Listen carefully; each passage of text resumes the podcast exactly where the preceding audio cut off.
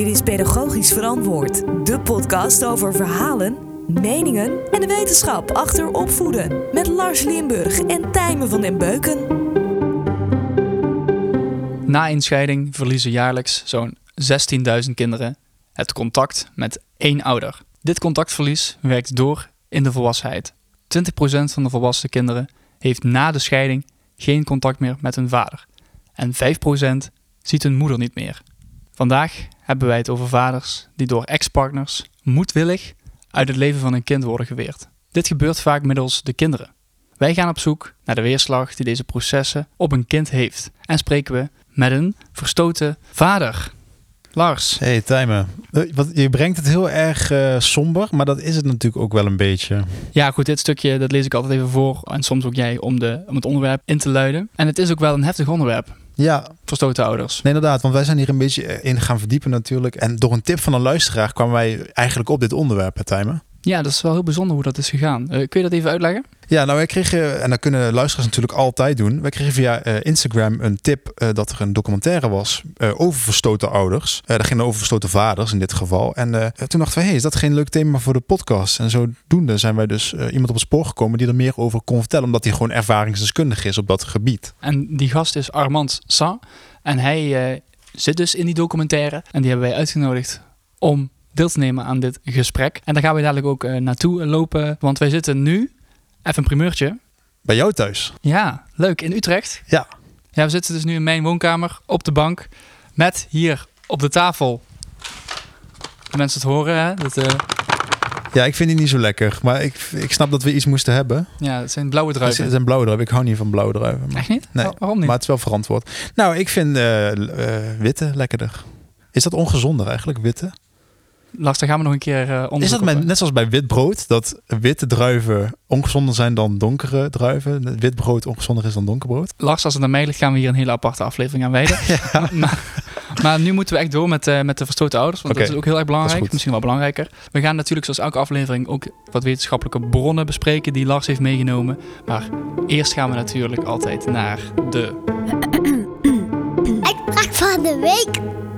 Kinderen die de helft van hun gezin kwijtraken als gevolg van ouderverstoting, ervaren een tragisch verlies dat negatieve invloed heeft op hun huidige en toekomstige levensgeluk en op dat van hun ouders. En deze uitspraak komt van Joan T. Claude Zannert. En zij is Amerikaanse schrijfster en oprichter van het PAS Intervention. En eh, Lars, interessante quote eh, allereerst. Maar waar staat die eh, pas voor? Parental alienation. En dat is dus dat een eh, ouder vervreemd raakt van zijn kind doordat de andere ouder hem uit zijn of haar leven weert.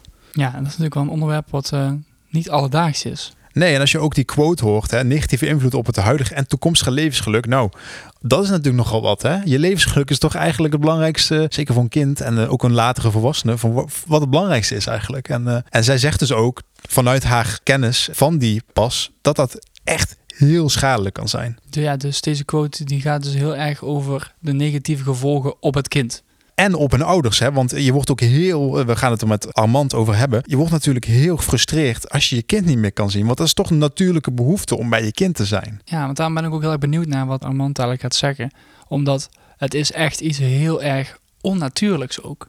Ja. Ja. Want een ouder die, die voelt gewoon van binnen dat hij iets moet doen voor het kind. Het is echt een instinctieve drang.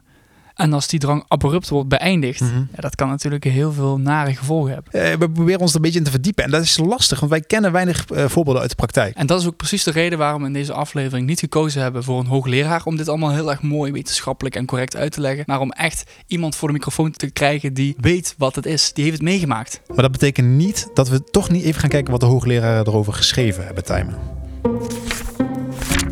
Wetenschappelijk verantwoord. Ja, en die eerste bron van vandaag, als het gaat om ouderverstoting, die is van Ed Spruit. Ed Spruit is een socioloog en senior docent en was jarenlang echtscheidingsonderzoeker bij de Universiteit Utrecht. Dus als je echt iets wil weten over echtscheiding in Nederland, dan ging je naar Ed Spruit. En zijn onderzoek uit 2011 eh, toont toch aan dat in de nieuwe definitie van PAS, dus Parental Alienation, dan gaat het eigenlijk veel meer over de focus leggen op het vervreemde kind en hoe die dat negatieve gedrag laat zien naar die programmering programmerende ouder. Hm. eh, In plaats van de programmerende ouder zelf. Eh, In het onderzoek van Spruit gaan ze kijken van wat gebeurt er nou bij dat kind? Want hij laat gedrag zien waar hij eigenlijk helemaal niet achter staat tegenover die ouder. Oké, oké. Dus, dus hij doet iets wat hij zelf niet wil. En omdat er de hele tijd wordt gezegd, ja, papa wil hier niet meer zijn en papa heeft het eh, gehad met deze situatie. Ja, als je dat blijft horen en blijft horen, dan kan je nog wel liefde hebben voor die ouder, maar dan ga je toch meedenken in dat, Ja. eh, in dat gedrag van die Ja. meestal moeder, Stijmen.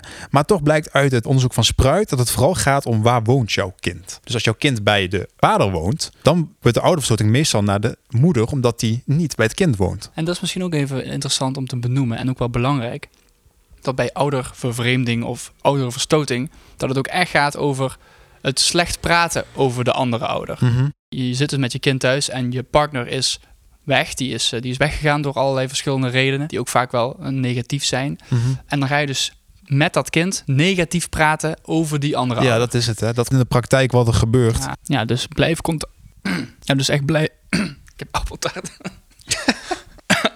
sorry, ik heb eh, nog appeltaart van net in mijn, in mijn keel zitten. Dus, eh, sorry, ik moet even water drinken.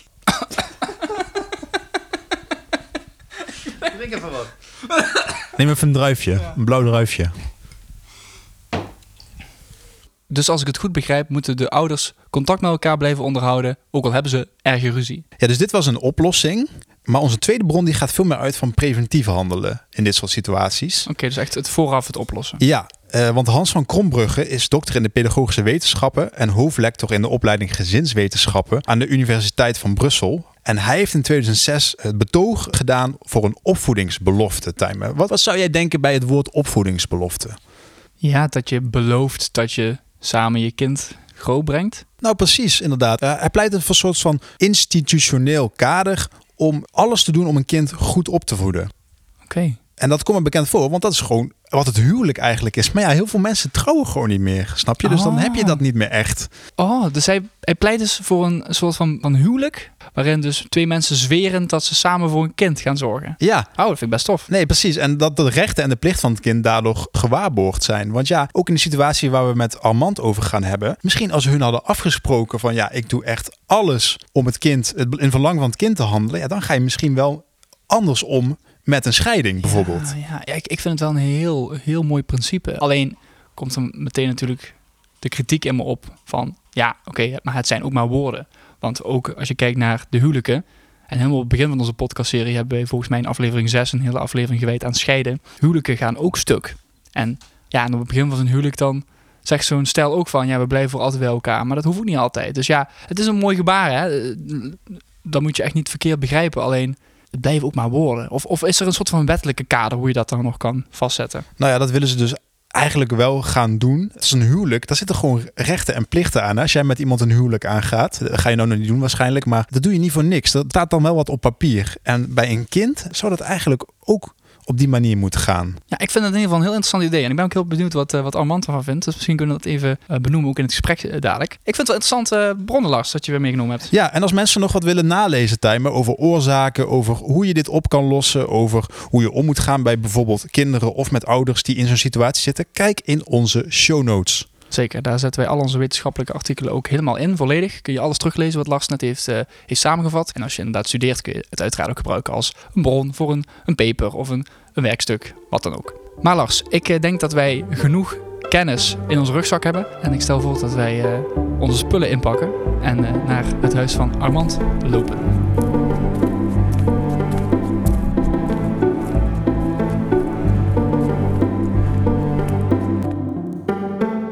Deskundig verantwoord. Lars en ik zijn nu aangekomen in de woonkamer van eh, Armand Sa. Hij is eh, ervaringsdeskundige, verstoten vader, deelnemer aan de gelijknamige documentaire van Tweedok. En hij is eh, universitair docent als beroep. Armand, bedankt dat wij in jouw eh, huis mogen komen. Nou, jullie bedankt voor jullie komst. Ja, Armand, je hebt een heel levensverhaal. En dat heb je net ook verteld in de documentaire waarin jij gevolgd bent. Maar even voor de luisteraars die dat niet gezien hebben. En die toch een beetje de context willen weten van jouw ervaringen. Wat is allemaal op je pad gekomen als het gaat over dat ja, verstoten vaderschap, zoals dat heet. Of de oudervervreemding, zoals sommigen dat noemen. Heel kort is het verhaal dat ik met mijn ex uit elkaar ging. Waren zes jaar samen en we hadden toen een dochtertje. Zij wilde toen eigenlijk niet dat ik contact had met mijn dochtertje. Gewoon uit pure boosheid, woede dat de relatie ten einde was, want ik had het uitgemaakt. En ik dacht toen nog heel naïef van, oh, maar dit is Nederland. Dus we krijgen gewoon co-ouderschap en is klaar. En we zijn nu bijna zes jaar verder. En dat het co-ouderschap is nog steeds niet helemaal geregeld. De laatste vier weken heb ik nu co-ouderschap. Dus nu, nu we dit opnemen, is het vier weken. Dus Is de meest recente ontwikkeling is dat, eh, dat het nu wel week op week af is. Officieel is het vier dagen in de week in de even weken en drie dagen in de week in de oneven weken. Maar omdat dat natuurlijk aansluit op elkaar, heb je in principe gewoon zeven dagen achter elkaar. En waarom is het eigenlijk, ondanks dat we in Nederland wonen, bij jou zo gelopen dan? Mijn ervaring zegt dat het niet ondanks Nederland, maar dankzij Nederland is. Het is in Nederland gewoon super slecht geregeld. Ik, ik weet niet waarom we er nooit de prioriteit aan hebben gegeven. In november is er een wet aangepast dat vaders dus automatisch het gezag kunnen krijgen over hun kind. Dat was een wet uit 1905, wat nu pas aangepast is. Ik weet niet waarom we daar zo mee. Ik heb er wel een paar ideeën over waarom dat zo is, maar we lopen gewoon echt heel erg achter. Dus jij bent eigenlijk gewoon slachtoffer geworden van het systeem dan? Ja, ik zeg het ook ergens in die docu van ik ben ook niet zozeer boos op mijn ex als boos op het systeem in Nederland. Dit had allemaal voorkomen kunnen worden. Twee zijn de podcast van verhalen, meningen en de wetenschap. Hè? Ja, verhalen, meningen. Je zegt net dat je wat ideeën hebt waardoor dat zou komen. Wat is volgens jou een idee waarom eh, dat zo raar loopt? Dat jij in dit geval eh, bent achtergesteld? Een van de meest interessante dingen die ik heb gelezen is van Marge Akkerman dat er gewoon een hele cultuur van moederverering heerst in Nederland. En ik vond het boek van Frans Koeselman, Ontvadering, ook heel interessant. In Nederland is er gewoon heel cultuur van, van dat de moeder nu eenmaal belangrijker is dan de vader. En dat werkt echt overal door. Dat werkt door bij politie, bij het OM, bij familierecht, bij kinderrechters. Overal zie je het terug. En hoe uh, uit dat in jouw casus dat de moeder belangrijker was? Dat ik steeds maar een minimum omgangsregeling kreeg. En mijn verzoek tot co-ouderschap werd eigenlijk niet eens serieus genomen. Dat vond ik heel vervelend.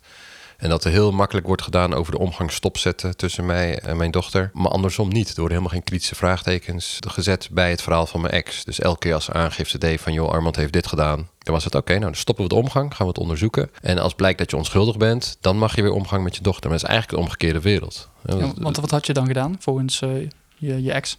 Ik heb alles een keer voorbij horen komen. Huiselijk geweld, bedreiging. Ik zou haar gestokt hebben. Maar degene waardoor ik het meest in de problemen kwam, was seksueel misbruik van mijn eigen dochter. En daarvan heeft ze, zover ik weet, drie aangiftes gedaan. Die zijn uh, samengevoegd tot één aangifte. En daar eindigt de documentaire eigenlijk mee. Daar zeg ik van, joh, ze heeft daar een aangifte van gedaan. En na de documentaire heeft, heeft het me echt bijna een jaar gekost om uh, vrijgesproken te worden.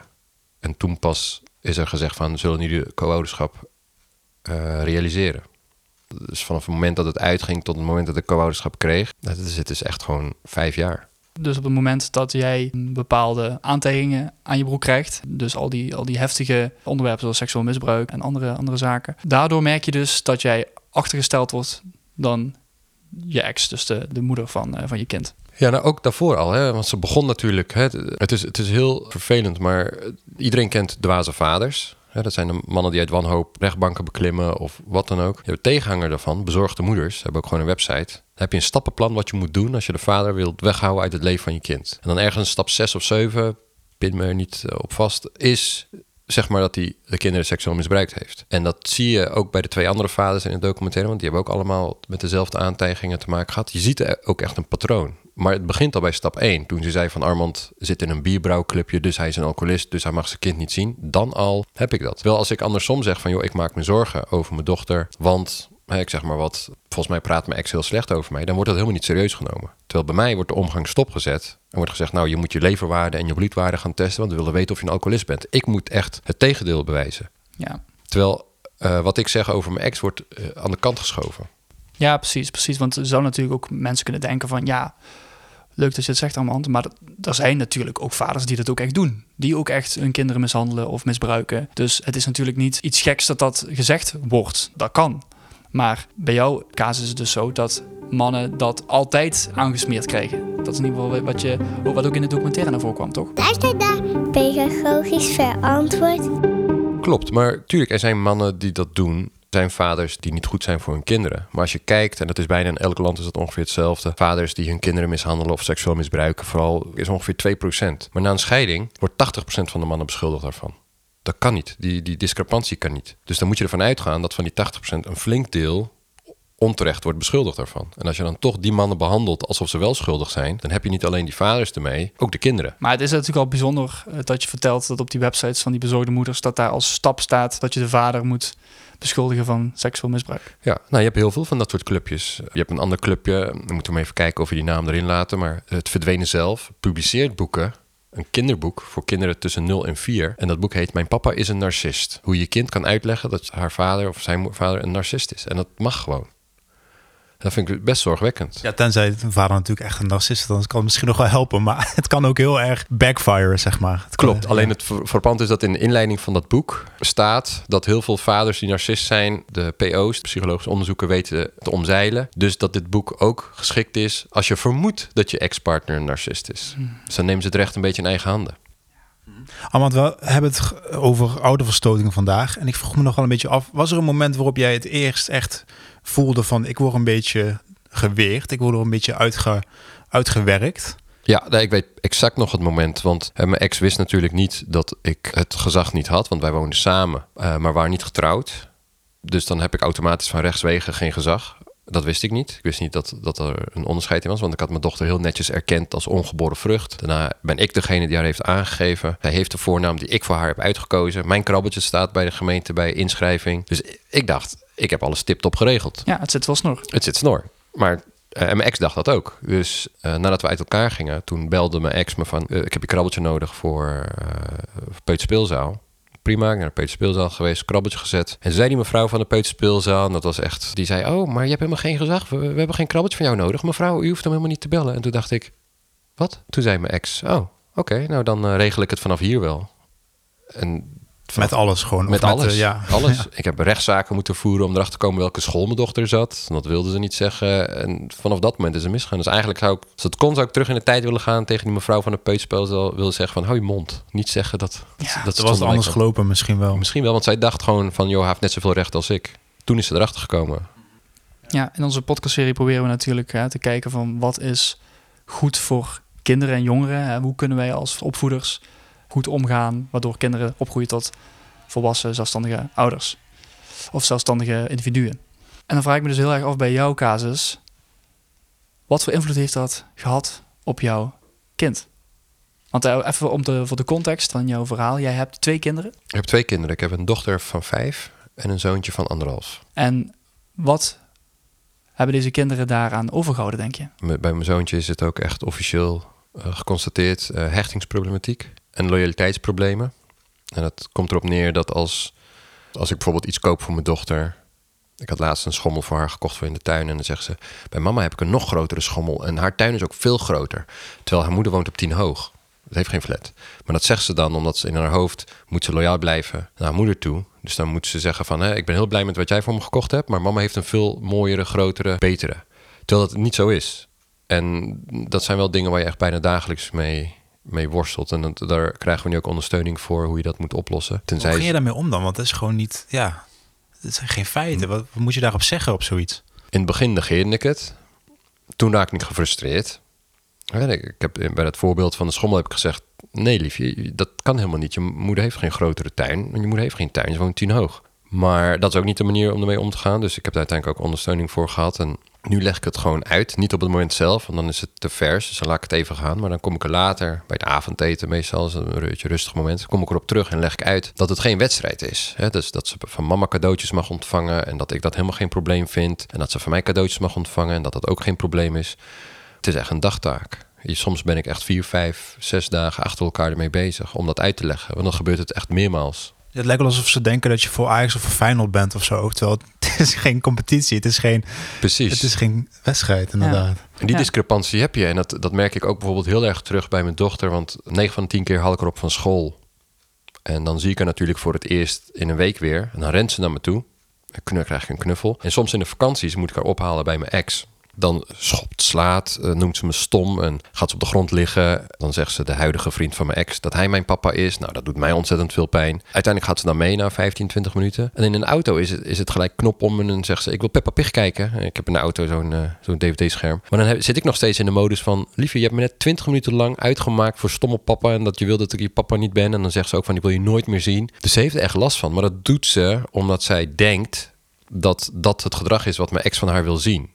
En ik zie natuurlijk wel dat mijn ex moeite doet om daar verandering in te brengen. Dat, eh, maar bij mijn dochter komt het nog niet echt binnen. Nu zeg je dus, oké, daar wordt nu wel aangewerkt om dat negatieve stigma wel van jou af te halen. Ja, we krijgen allebei ondersteuning om in ieder geval mijn dochter het idee te geven van nee, je bent vrij om met beide ouders een goede sterke band op te bouwen.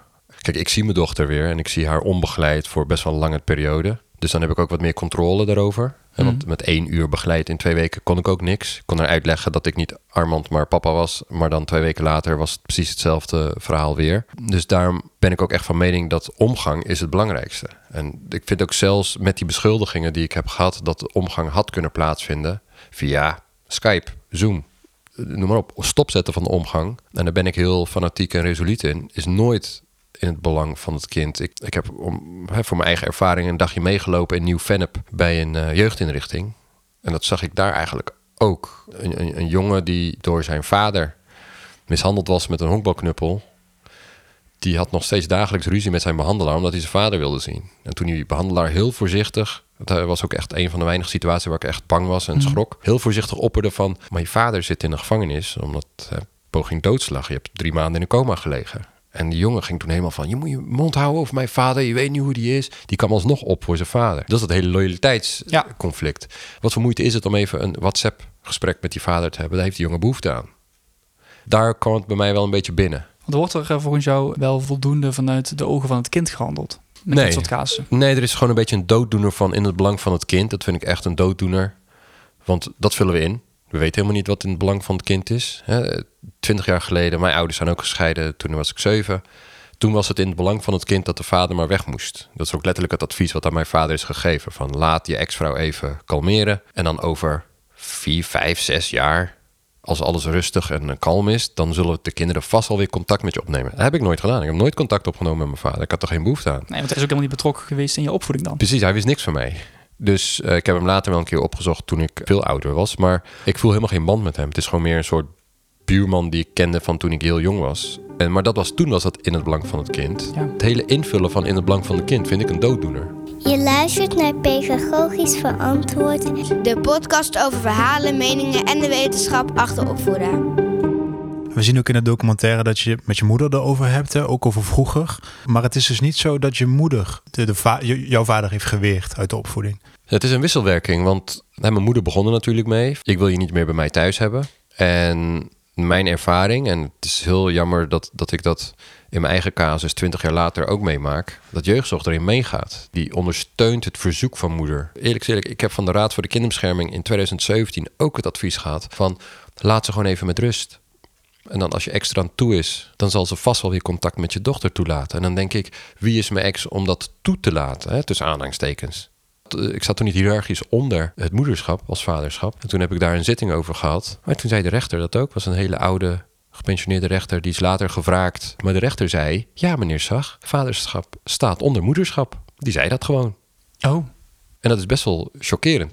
En wat was de reactie daarop dan? Op die uitspraak van die rechter? Dat was, dat was mijn eerste zitting ooit. In 2016 was dat. Dat was voor het eerst dat ik in de rechtszaal stond. Dus ik wist, wraken wist ik ook nog niet. Wraken heb ik pas geleerd eh, met, eh, met Wilders, wat dat betekende. Dus ja, je, weet ik pas... was, je- ik was flabbergasted. Ja, ik wist niet wat ik moest ja. zeggen. Ja, je, je wist nog niet dat jij überhaupt iets tegen de rechter in kon brengen. Precies. Ja. Dat was voor mij echt wel een eye-opener van... joh, vaders hebben echt bijna geen recht joh, in Nederland. Maar is, is dat ook echt zo in Nederland? Volgens jou? Ja, 100 procent. 100 procent. Ik heb in mijn strijd, om het maar tussen aanhalingstekens te noemen...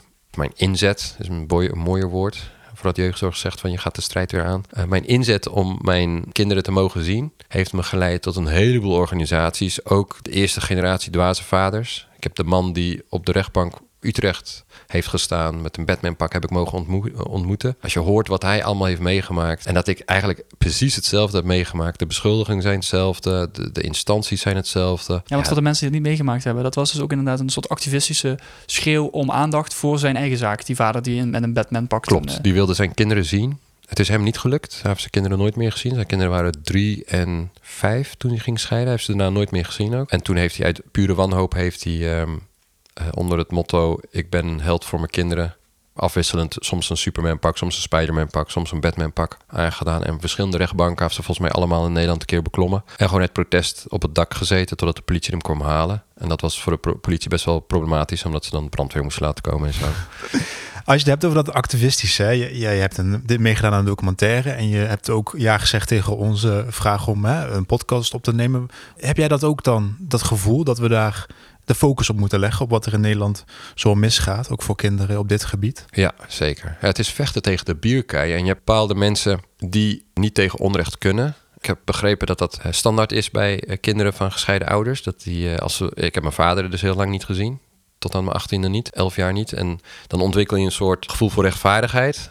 En klopt, daar heb ik heel veel last van. Ook in het dagelijks leven. Tenminste, ik ervaar dat profijt van misschien. Tot nu toe had ik er eigenlijk alleen maar profijt van. Ik vond het leuk ook om, om te komen voor mensen die iets minder mondig waren.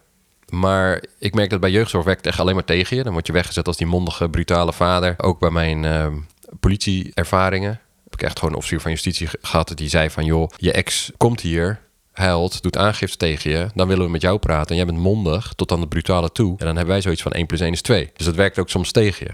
Maar ik heb dat dus ook net als die andere vaders. Alleen, ik kan ook wel een, een rechtbank beklimmen. Ik heb geen hoogtevrees. Het kan wel. Maar ik denk dat zij toen in de jaren 80 stap 1 al hebben gedaan. Dat is nu al gebeurd. Mensen weten wel van de Batman vaders. En nu is het tijd voor stap 2. En dat is echt gewoon uitleggen waarom die vaders dat hebben gedaan. Hè? Want dat is nu de generatie, dat zijn nu opa's. En die mogen hun kleinkinderen ook niet zien, omdat ze hun kinderen niet zien. Ik ben nog steeds verbaasd over wat je zei, dat dat, dat gewoon echt in Nederland zo is, dat vaders op nummer twee staan. Terwijl er zijn allerlei pedagogische onderzoeken en eh, boekjes uitgebracht, waarin toch echt die rol van het vaderschap naar voren komt. We hebben er zelf ook podcasts over gemaakt, over hoe belangrijk het is voor, voor de opvoeding van een kind, dat een vader aanwezig is, dat een vader eh, bepaalde eigenschappen meegeeft, waardoor het kind echt andere dingen leert.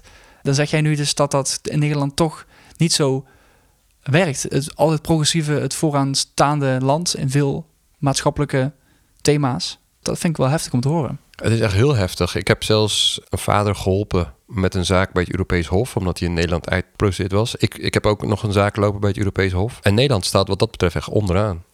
Twee van de drie rechtszaken die bij het, hof, bij het Europees Hof worden aangeleverd over Turkije. En dat zijn dan vaders die hun kinderen mogen, niet mogen zien. Daarin wordt vastgesteld dat het een schending van de mensenrechten is.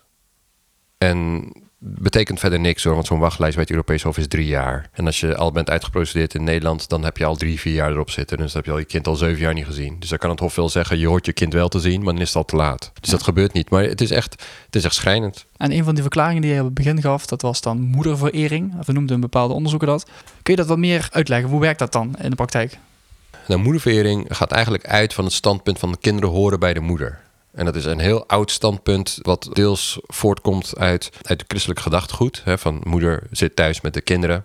En dat was in een tijd dat Nederland ook nog heel erg christelijk was. Nu, toen nog wel. En die wet hebben we gewoon nooit aangepast. En er zijn dus bepaalde mensen, heel veel theorie die ik terughoor van jeugdzorg. Dat is dan bijvoorbeeld Bolby. Nou, die komt uit de jaren 40. Ed Spruit hoor ik heel vaak. Maar die zijn allemaal al onderuit gehaald. En inderdaad, er zijn heel veel onderzoeken waaruit blijkt dat de vader juist een hele belangrijke rol heeft. Eh, ik gebruik zelf altijd Charles Opondo van Oxford, 2016. Die zegt van, joh, kinderen geven hun leven een hoger eindcijfer als ze even redelijk contact met hun vader hebben. Dus dat is niet eens per twee weken, maar het is, laat zeggen, drie keer in de week. De moederverering komt niet voort uit één misstap in één sector. Het zijn meerdere misstappen in meerdere sectoren, waardoor dat hele proces... ehm, Eigenlijk nog steeds bestaat. Want je zegt het is Ja. iets uit het verleden, maar het is nog steeds relevant. Klopt, je moet echt gezinsvoogden hebben die met je meegaan. Ik heb gezinsvoogden gehad die zeiden: Ik geloof niet in vaderverstoting of oudervervreemding, of hoe je het ook wil noemen. Ja, precies. Want wij hebben dan die term, wij noemen die term dan, hè, de, de podcast heet ik zo. Maar dat hele verstoten, dat is dus blijkbaar heel erg.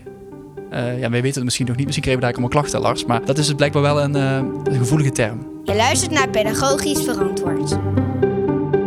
Het is een gevoelige term gemaakt.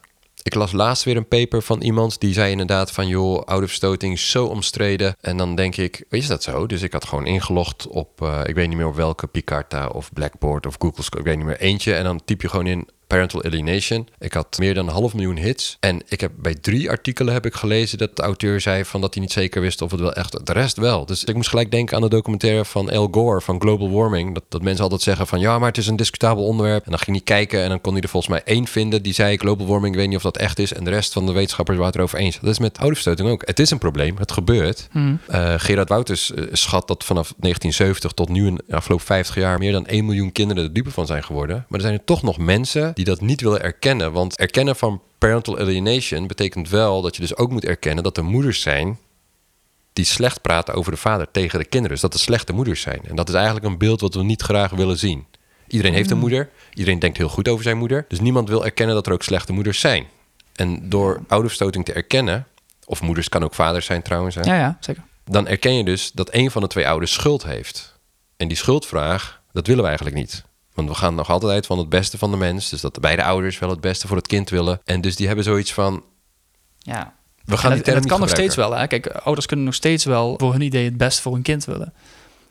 Maar goed, dat kan in de praktijk of als het gaat over, over inzicht of over kennis, kan het natuurlijk wel anders zijn. Sterker nog, het gebeurt omdat beide ouders het beste voor hebben voor het kind. Alleen die moeder denkt, joh, die man heeft mij in de steek gelaten. Hij heeft, heeft de relatie beëindigd. Dus hij is niet betrouwbaar. Dus hij gaat jou later ook in de steek laten. Dus ik, ik bescherm je nu al bij voorbaat dat je geen band met hem opbouwt. En dan kan je nooit gekwetst worden als hij je in de steek laat. Dat is haar insteek. Ja. Dus in principe doet hè, mijn ex ook wel wat zij denkt dat in het belang van mijn kind is. Alleen is dat niet zo. En dat is heel moeilijk. Allemaal terugkijkend, hè? Ehm, want je zit nou eigenlijk in een goede periode waarin je je kind weer mag zien. Hè? Bepaalde dingen had je die anders willen doen.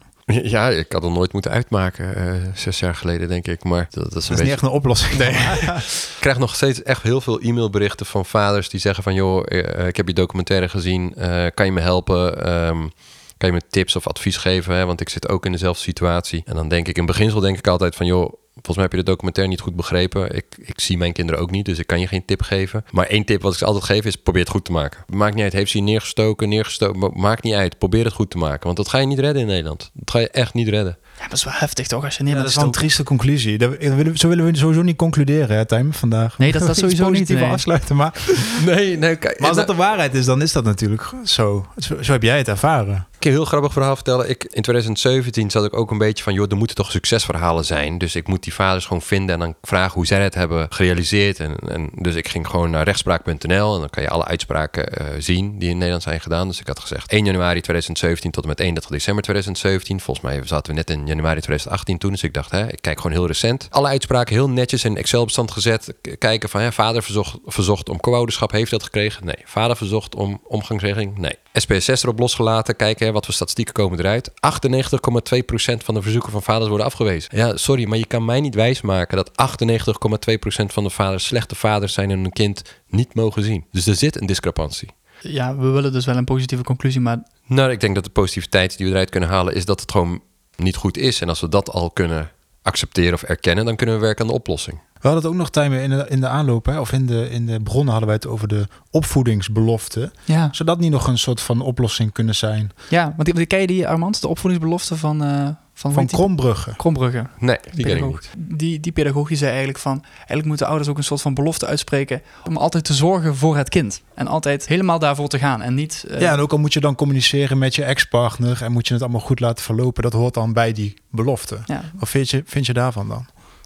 Een heel super idee. Alleen de eerste vraag die dan bij mij opkomt is... wat als een van de twee ouders het niet doet? Dat dachten wij ook inderdaad. Ja, van het, het is een mooi idee hoor, maar het zijn uiteindelijk ook maar woorden. Maar ook even om het door te trekken naar andere opvoeders of eh, docenten. Hoe moeten die mensen, en dat is misschien ook even wel een mooi, mooi slot. Hoe zou je wensen dat er met jouw soort gevallen wordt omgegaan door docenten, ouders, De maatschappij. de maatschappij? Ja, meer betrokkenheid, dat, dat zou wel mijn, mijn wens zijn. Hè? Dus ik, eh, hè, in die 311 dagen dat ik mijn dochter niet bij me had, had ik heel graag gewild dat, dat haar school mij had gebeld of haar peuterspeelzaal. Zo van, joh, wat is er aan de hand? We zien je niet meer. Wat is er? Ja. En dat ontbreekt. Hè? We, we bemoeien ons liever niet met de persoonlijke levenssfeer van mensen. Maar opvoeding vinden we ook heel persoonlijk, dus dat doen we liever niet. Wat dat voor jou betekent dan? Heel veel. Eh, alles, al was het alleen maar dat ik kon zien hoe het met, me, met mijn dochter ging. Ik heb, daarna heb ik al dagboekjes gekregen. En dan staat daar bijvoorbeeld dat ze huilde omdat ze naar papa wilde. Ja, dat, dat wist ik op dat moment niet. En eh, dan had ik misschien een, een tekening of zo naar, hè, aan de school kunnen afgeven. Dat ze die tekening aan haar konden laten zien. Iets. Ja.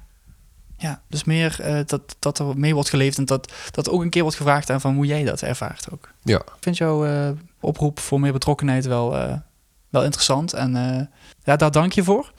Ook voor je gastvrijheid. En eh, zijn er nog plaatsen of, of websites waar mensen jou kunnen bereiken? Of waar ze meer over jou kunnen vinden? Of, of moeten Of we over het onderwerp, ja. onderwerp? Ze mogen me altijd mailen. Eh, als je op mijn naam googelt, dan, eh, dan komen mijn contactgegevens vanzelf naar boven. Mm. Ik heb geen social media. Ik zit wel op LinkedIn. Dus alleen LinkedIn Ja, is een mogelijkheid. zeker. Voor de rest heb ik niks. Ze mogen me altijd 24 uur per dag mogen ze me eh, mailen, bellen, maakt niet uit. Dan reageer ik als ik wakker ben, maar ja, ja, uiteraard. Oké, dus niet om drie uur s'nachts. Dat, eh, dat vraag je dus ook aan de mensen. tenzij ik wakker ben. Maar Ja, ja, ik, ja, denk, oké. ik, ik geef dat weinig kans. Armand, bedankt voor het gesprek en eh wellicht tot de volgende keer. Dankjewel. Wil jij dat Lars en Tijmen jouw pedagogisch onderwerp behandelen? Mail jouw idee dan naar podcastapenstaatjepedagogischverantwoord.nl Zo, Tijmen. We hebben de terugreis weer overleefd. We zitten weer op de bank waar deze aflevering is eh, begonnen. Ja, en ik vind het opvallend, eh, merk ik, hoe Ja. nuchter Armand hierover kon praten eigenlijk. Aan de ene kant kan ik het ook wel meteen verklaren, omdat hij net zo vaak over dit onderwerp heeft moeten spreken. Hè? Sowieso voor die documentaire, maar ook voor die gigantisch veel hoorzittingen waar hij al in het middelpunt heeft gestaan. Ja, want ik wil eigenlijk bekijken wat voor conclusie kunnen wij trekken, Tijmen. Want het ging natuurlijk heel veel over alle randzaken. Maar wat heb jij nou echt als pedagogisch handelen kunnen waarnemen in zijn verhaal? Nou, ik vond het heel bijzonder toen hij benoemde dat zijn dochter niet met hem in eerste instantie eh, mee wilde gaan naar huis. En dat het dan niet echt heel goed is om dan keihard tegen te stribbelen. Ja, zo van ik ben wel je vader of zo. Dat moet je Ja, niet doen. En dat hoeft niet alleen maar voor zo'n ouder te gelden. Maar stel, eh, zo'n kind zegt dat dan tegen jou als docent... of tegen jou als oppasmoeder of tegen jou als kleuterjuf. Ik zeg maar wat. Hoe ga je er dan mee om? Hè? En dan vind ik het heel erg mooi dat hij niet meteen eh, die waarheid om wilde gooien... maar dat hij eerst even de storm wilde laten liggen omdat hij ook aangaf dat daarna ja, had dat kind het weer over iets anders en was hij weer afgeleid. Dus Ja, de merkt- knop ging al snel om naar Peppa Pig. Daarin zie je ook heel erg de onschuld van het kind. Het is niet een soort van haat en wrok. Het is een soort van Denken dat de, ouder, de andere ouder dit gedrag wil zien van, Ja, je, van, van jou als Precies, kind. helemaal, helemaal ehm, ja, brainwash vind ik dan weer een beetje heftig om te zeggen. Maar ze zijn wel geïndoctrineerd. Hè. Ze zijn wel helemaal gevormd om bepaalde dingen te zeggen en te vinden. Maar ja, dat kunnen ze natuurlijk helemaal niet zelf beseffen. En dat is echt gigantisch, nogmaals, schrijnend. Uit de documentaire eh, en ook uit dit gesprek bleek al een beetje dat Armand echt vindt dat het systeem anders moet. Hè? Eh, dus dat is er ook alweer een beetje uitgekomen. Maar wij kijken natuurlijk ook naar die pedagogische aspecten. Wat ga jij meenemen uit Nou, ik vond het wel mooi dat de ondersteuning waar Armand het ook over had, dus de hulpverleners die daar helpen in het vervreemde kind weer tot je laten komen, dat die het vooral hadden over dat een kind vrij is om met beide anders in band op te bouwen en dat je dat ook moet uitstralen als ouder. Hè? Dus dat die kind dat die vrijheid heeft. Ja, en dat doen we dan weer denken waar we het in de wetenschappelijke rubriek over hebben gehad. Over die opvoedingsbelofte. En dat je wel samen als ouder afspreekt en staat voor dat kind. En, en dat je dat kind geen slachtoffer wil maken van jullie heisa, van jullie prikkelen. Tijmen, denk je dat over twintig jaar nog verstoten eh, ouders zullen zijn? Nou, als ik het eh, pessimisme van eh, Armand moet geloven, wel.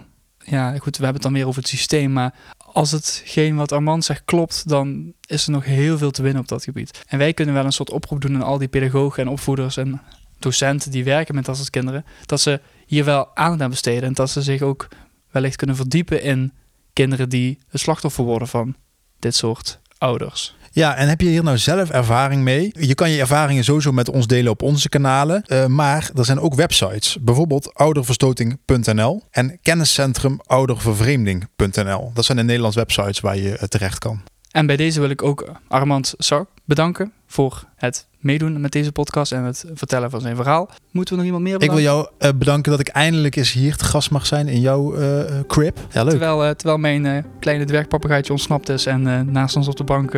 Ja, en Tijm, ik zie dat je nog wel pedagogisch aan de slag mag met hem. Want hij gaat helemaal zijn eigen gang, hè? ja, maar hier kan ik me verschuilen achter het feit dat ik niet opgeleid ben om vogels op te voeden. Dan rest ons niks anders om te zeggen... bedankt voor het luisteren. En blijf zoveel mogelijk Pedagogisch verantwoord. tot de volgende keer.